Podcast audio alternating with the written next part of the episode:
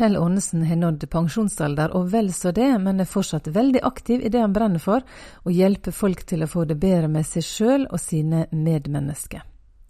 Og så har han et ekstra hjerte for landet Mongolia, så når vi spør om hvor han ville reist hvis han eh, kunne velge i dag, så svarer han dette. Da ville jeg satt meg på flyet fra Sola til Oslo. Der ville jeg skifte fly over på Aeroflot flyselskap og flydd til Moskva. Der ville jeg skifte fly igjen og reist videre med Aeroflot fra Moskva til Ulaanbaatar i Mongolia. Og så fort jeg kunne, så ville jeg fått noen til å kjøre meg langt ut i villmarka, der den eneste hesten i Mongolia som har et navn, går i en stor hesteflokk. Den kalles for Kjells hest. Ja. den har jeg fått i gave, og jeg ville hive meg på hesteryggen og ridd i villmarka i Mongolia. Fantastisk svar. Og det, Vi skal litt mer tilbake til det, for du har et engasjement i Mongolia. Og det skal vi tilbake til litt seinere. Men Kjell Aanesen, Eh, gjennom en lang yrkeskarriere så har du hatt mange kurs og samtaler med folk. Hvordan begynte det engasjementet og den tjenesten? Jeg tror det riktigste svaret er at Gud har lagt det til rette for meg og leda meg eh, i den retninga helt ifra jeg var helt ung. Eh, folk begynte til og med når jeg var tenåring å spørre om de kunne prate litt med meg, og om de kunne spørre meg til råds. Eh, og så utdannet jeg meg som diakon på Diakonhjemmet i Oslo. Eh, og eh, så har jeg jobba i kristen virksomhet i hele livet mitt. Og samtale, sjelesorg, forkynnelse og ikke minst undervisning har vært gjennomgående i min virksomhet. Mm. Og så har du nå bikka 70 år, Kjell. Men du er fortsatt engasjert, selv om du godt kunne blitt pensjonist hvis du ville. Hva gjør at du fortsatt driver med dette? Fordi jeg, jeg, ser at jeg kan være til nytte og til hjelp. Mm. Og fordi jeg trives veldig godt med det jeg holder på med. Med samtale i terapi, sjelesorg for enkeltpersoner og par. Med undervisning hvor jeg kombinerer bibelkunnskap med praktisk menneskekunnskap mm. og erfaringer. Og, eh, og, hvor jeg også underviser i Mongolia kristne ledere. Så, og så har jeg jo aldri hatt mer kunnskap og erfaring enn i dag, så hvorfor slutte når en er frisk og, og er i fin form? Mm. Du er 73 år gammel, har mye livserfaring å komme med. Eh, hvordan var din barndom og oppvekst? Jeg vokste opp i Mandal, og det var mye fint eh, i oppveksten min. Ikke minst når jeg var ute og lekte med kamerater. Vi var ute i heia om vinteren og, og om sommeren og lekte hadde det veldig kjekt. Men hjemme hadde vi det vanskelig, jeg og brødrene mine. Og for så vidt mor og far òg. Eh, mor og far var begge to veldig såra fra sin egen oppvekst med bare én forelder og mange vanskelige ting. Og de var flinke til mye. Veldig arbeidsomme og gode, men de var ikke flinke med sin relasjon, og ikke med å gi oss kjærlighet. Mm. Så det ble mye straff, mye sinne, mye ris på rumpa, eh, og jeg ble en redd gutt. Mm. Særlig redd for far så lenge han levde. Da far var i begynnelsen av 60-årene, så så fikk han kreft som ikke kunne helbredes, og han ble jo da sykere og sykere. En av brødrene mine kjøpte ei kristen bok, ei andagsbok til far, eh, for far var ikke kristen. Eh, men far ble så sinna når han fikk den boka at han kasta boka fysisk i veggen, fortalte bror min. Så skulle jeg besøke far, han var da på sykehuset i en annen by enn der jeg bodde. Eh, og så skulle jeg først gå på bibeltimen på et oasestevne i Kristiansand. Mm. Og når jeg kom inn i stevnehallen og så dessverre bokbordet, så sier Gud til meg, jeg hørte igjen, ikke noen fysisk stemme, men tanken kom, du skal kjøpe ei bok til din far. Mm. Og jeg protesterte mot Gud og sa, du vet jo at far vil ikke ta imot den kristne boka av min bror, da vil han ikke ta med heller. Mm. Men jeg skjønte at Gud ville at jeg skulle kjøpe ei kristen bok. Så jeg gikk bort til bokbordet, og det var massevis av bøker, og jeg visste med en gang det var en av de bøkene Jeg kjente ikke den boka da. Den heter Jeg er fri, og den er skrevet av presten Hans Christian Lier. Og når jeg skjønte Gud ville jeg skulle kjøpe akkurat den, så sier jeg til Gud i en stille bønn, men du vet jo at far foraktet særlig prester. Um, men Gud ville tydeligvis jeg skulle kjøpe den boka. Men jeg spurte for sikkerhets skyld om de, jeg kjøpte boka og spurte for sikkerhets skyld har dere en plastikkpose, for jeg var ikke sikker på om jeg vågde å gi den til far. Mm. Etter bibelteam så gikk jeg til sykehuset og kom opp på avdelinga og fant far på røykerommet der. Eh, og hadde boka i plastikkpose. Og så fortalte jeg far hvor jeg hadde vært på en bibeltime på Oase. Og da spør far du Kjell, han presten Hans Christian Lier, var han der? Så jeg ja, han var faktisk det, men han er veldig syk. Eh, men jeg så han var oppe på scenen, og han sa noen få ord.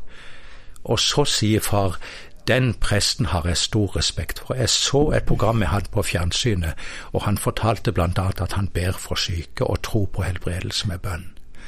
Da så jo jeg det grønne lyset, så jeg tok boka opp av plastikkposen og så sa jeg til far far, denne boka av han har jeg kjøpt til det.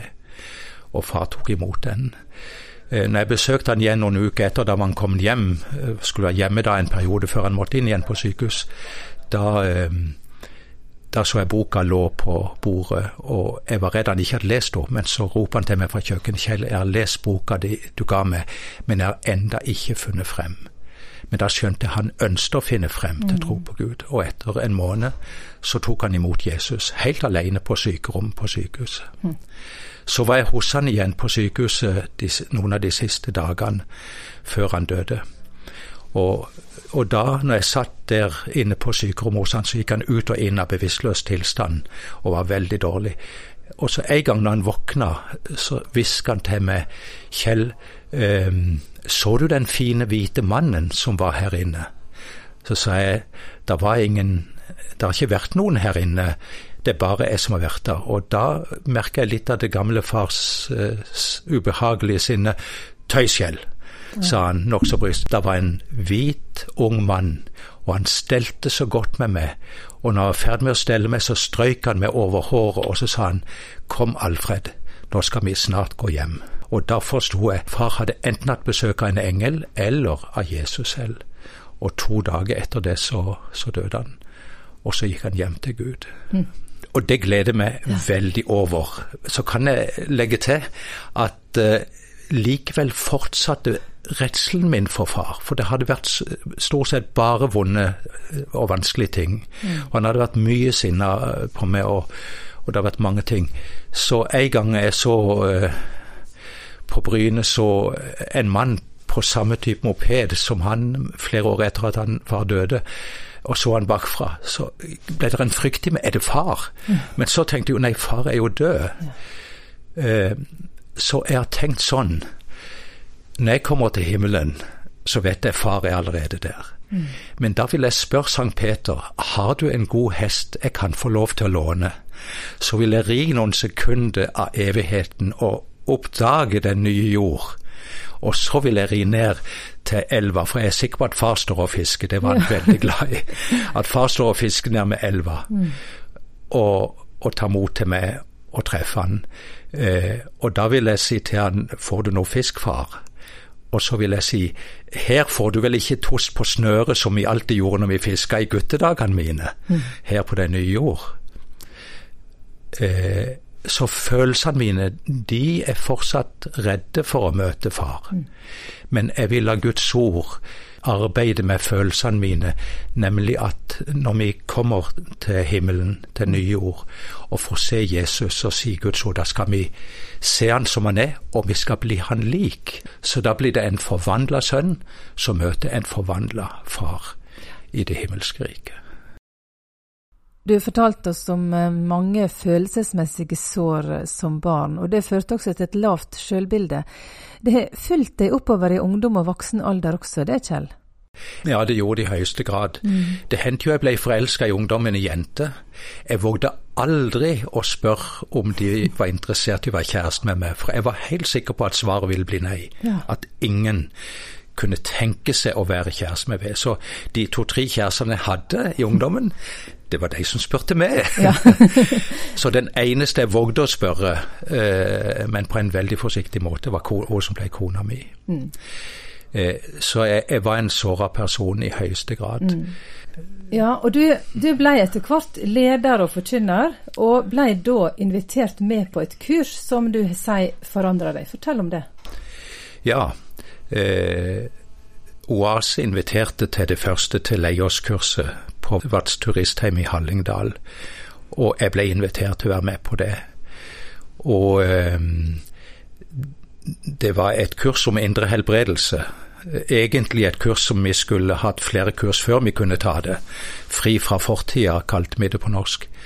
Der opplevde jeg både stor smerte med at jeg gjenkjente og oppdaget store følelsesmessige sår, men òg en stor frihet etter hvert når jeg ble lytta til i de gruppene vi hadde med to dyktige amerikanske gruppeledere. Mm. Hørte undervisninga til Geir Sweeten og ble bedt for.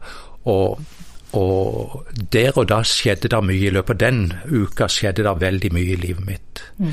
Eh, jeg trodde jeg var blitt helt frisk, men det oppdaget jeg jo når jeg kom hjem at jeg var ikke det. Mm. Men gjennom årene, og med mer til leierskurs som jeg deltok i først som deltaker, og så gikk jeg til en kristen psykiater i terapi i, i et par år mm. regelmessig, så har Gud helbreda sår og gitt meg mye større trygghet. Det er bedre, ikke fullkomment, men det er bedre selvbilde.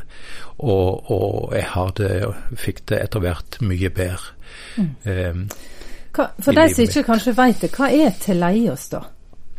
Det er en kristen kursserie som kombinerer eh, bibelkunnskap, og, og, Bibelen er øverste norm i de kursene.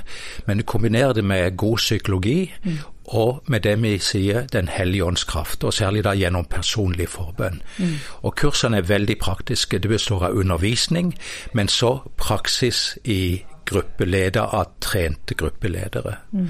og kristne gruppeledere, da, hvor samtale noen av kursene går på kommunikasjon, øvelse i kommunikasjon, og hvor forbønn også er veldig viktig. Mm.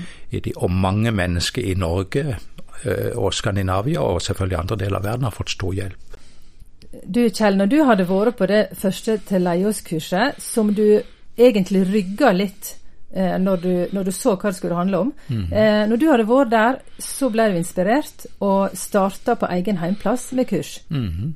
Fortell. Ja, starta i, i, vår lokale menighet med kurs, og det var, ble en veldig oppslutning etter hvert. Og det betydde veldig mye for mange. Mm. Og det var faktisk folk som hadde slutta å gå i kirka, som gjennom kursene kom tilbake igjen og fant sin plass på mm. gudstjeneste igjen.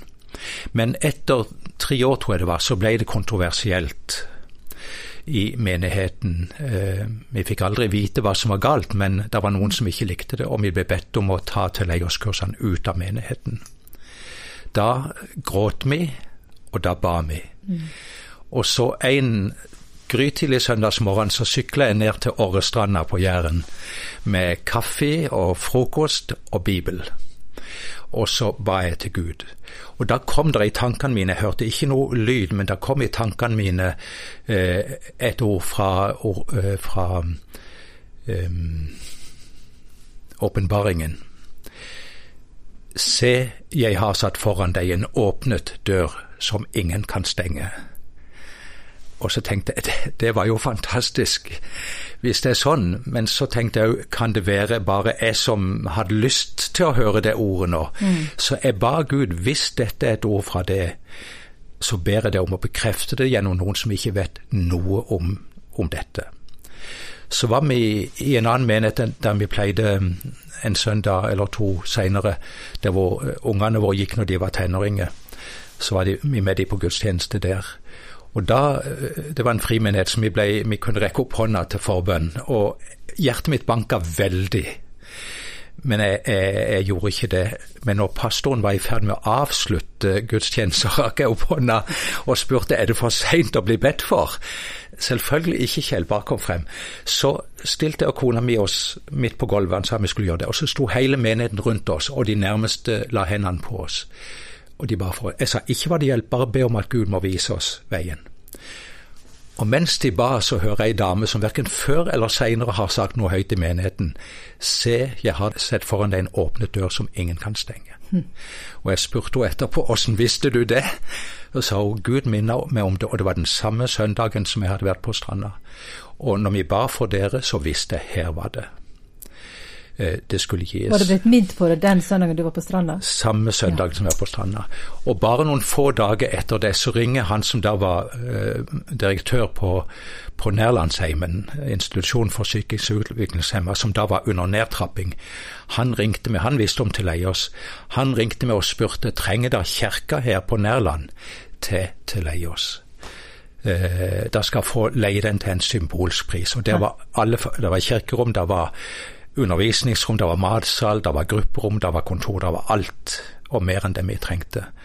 Så da flytta vi inn der, og så starta vi til Leiersjæren. Men før vi kom i gang, fikk jeg spørsmål fra andre deler av Norge, og ganske snart fikk vi fra Danmark og Sverige også. Ja. Og altså etter hvert noen år helt til Mongolia. Ja altså helt til Mongolia med Teleios. Og akkurat det engasjementet, forteller Kjell, starta med et spørsmål fra ei som hadde vært på kurs, og som senere ble misjonær for Misjonssambandet i landet. Hun inviterte meg, spurte om jeg ville komme til Mongolia i regi av Misjonssambandet og undervise de norske og deres mongolske medarbeidere mm. eh, på et Teleios-kurs. Det var i 2002. Og det sa jeg selvfølgelig ja til. Jeg hadde til og med med meg min eldste sønn, som hadde vært eh, på eh, outreach for Ungdom i oppdrag til Mongolia, så mm. han kjente jo landet litt. Grann. Og så fikk jeg nye forespørsler annethvert år fra Misjonssambandet i flere år om å komme og undervise mer, og de inviterte meg også inn i et par um, mongolske menigheter. Og òg på et av universitetene hvor jeg fikk undervise noen klasser.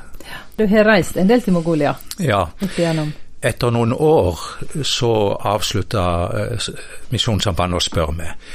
Eh, eh, men så var det andre pastorer og menneskeledere mongolske som hadde hørt om kursene som jeg hadde, og de begynte å invitere meg. Mm. Og det var to-tre kristne virksomheter mongolske som spurte om jeg kunne ha de kursene hos de òg. I 2009 Eh, og da sa jeg at men jeg kan ikke holde de for dere alle tre, da må dere slå dere sammen om dette. Mm. Og sånn ble etter hvert Leios Mongolia starta. Og i mange år har jeg nå reist to ganger i året, mm. eh, vært av to-tre uker og undervist.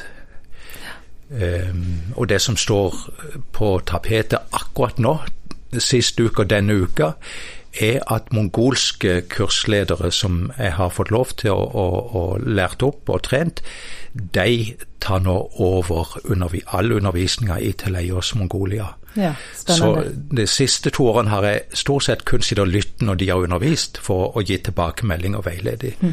Så i neste uke vil åtte kursledere mongolske kursledere få sertifikat for å lede Teleios kurs i landet mm. sitt etter å ha gjennomgått en ganske grundig trening. Ja. Eh, til Leios og mange av de prinsippene der har du også tatt videre til et, eh, et opplegg som du kaller for livsmestring. Livsnær undervisning, der det er kvelder en gang i måneden har vært i flere år på Bryne, mm. nå på Varhaug på Jæren. Eh, der du går gjennom undervisning. Hva handler denne undervisninga om? Det er jo eh, mer praktiske tema for livet vårt, hvor jeg bruker fortsatt både Guds ord, mm. eh, som er en veldig praktisk bibel, ja. eh, og hvor jeg bruker god menneskekunnskap. Mm. Og underviser i tema som de fleste av oss trenger mer kunnskap om og mer hjelp i forhold til, og som mange kjenner seg igjen i. Mm. Nå på Varhaug denne høsten så har jeg undervist en kveld om sunt selvbilde, om å tenke rett om seg sjøl. Og eh, i går kveld så eh, underviste jeg om eh, oppmuntre hverandre. Før du snakker litt om det at når folk kommer til deg, så har de ofte problemer med relasjoner, eller gjerne òg sjølbildet, som er et tema på livsmestring. Eh, og det er mange kristne som kommer. Mm -hmm. eh, hvorfor tror du mange har litt sånn problem med sjølbildet? Er det en tanke om det? Ja, eh, jeg tror en viktig grunn er at vi har ikke fått nok kjærlighet. Mm. Og da handler ikke bare Det kan være foreldrene våre har vært glad i oss, men de har ikke klart i så fall å kommunisere det på en måte som vi forsto som barn, og kunne føle og ta inn. For det er opplevd kjærlighet som virker i oss og bygger selvbildet. Mm. Men så selvfølgelig mange eh, foreldre sliter med sine egne ting og kan eh, ha manglende evne eller vilje eller kunnskap om å formidle nok kjærlighet og rett kjærlighet til mm. barna. Du er opptatt av at folk skal få det bedre med seg sjøl og også med hverandre, og det er et tema som vi også ønsker å ta opp her i Petro. Og vi skal lage en serie også etter hvert. Hva er det lytterne kommer til å få med seg i forhold til dette her på radio nå eh, på nyåret en gang? Vi må eh, sette oss ned og planlegge det og finne hvilke tema. Eh, men det er klart det kan bl.a. ha med sunt selvbilde, hvordan vi òg i voksen og eldre alder kan arbeide med eller søke hjelp i forhold til selvfølelsen vår. Mm. Mange av oss har jo ofte mange vanskelige tanker i hodet, bekymringer eh, osv. Eh, og frustrasjoner som plager oss og som preger oss og gjør oss lei og deprimert. Mm. Så det går òg an å ha det som et tema og se på eh, undervise om hvordan, vi kan, hvordan vi kan oppdage irrasjonelle tanker og endre de til motsvarende sunne, realistiske og sanne tanker. Mm. Som òg er bibelske tanker om oss sjøl, sant? Ja. ja. Jeg kunne ha lyst til å fortelle på et kurs jeg hadde for mange år siden, hvor det var helsepersonell. Det var ikke her i Rogaland, men et annet sted i landet, hvor det var helsepersonell som var på kurs ei uke. Og så kom det en psykiater og en psykolog og skulle være med som hospitanter. De skulle bare være der for å lytte hva de syntes om undervisninga mi. Så kommer psykologen til meg før uh, første kursøkt og sier jeg vil bare du skal vite at jeg er agnostiker, så jeg har ingen tro på noen gud. Så jeg, jeg kommer ikke til å være interessert i de bibelske tingene du tar opp. Um, og jeg kommer ikke til å komme på bønnemøtene, selvfølgelig, sa han. Så nei, det er greit, du skal få lov til å være og ta med deg det du vil. Og så underviste jeg, og det var faktisk, tror jeg, om selvbildet, faktisk. Eh, og da siterte jeg et vers på engelsk som står i ordspråkene fire på engelsk, eh, en engelsk versjon. Der, det, der sies det eh, Be careful how you think, your life is shaped by your thoughts. Vær varsom med hvordan du tenker, for livet ditt formes av tankene.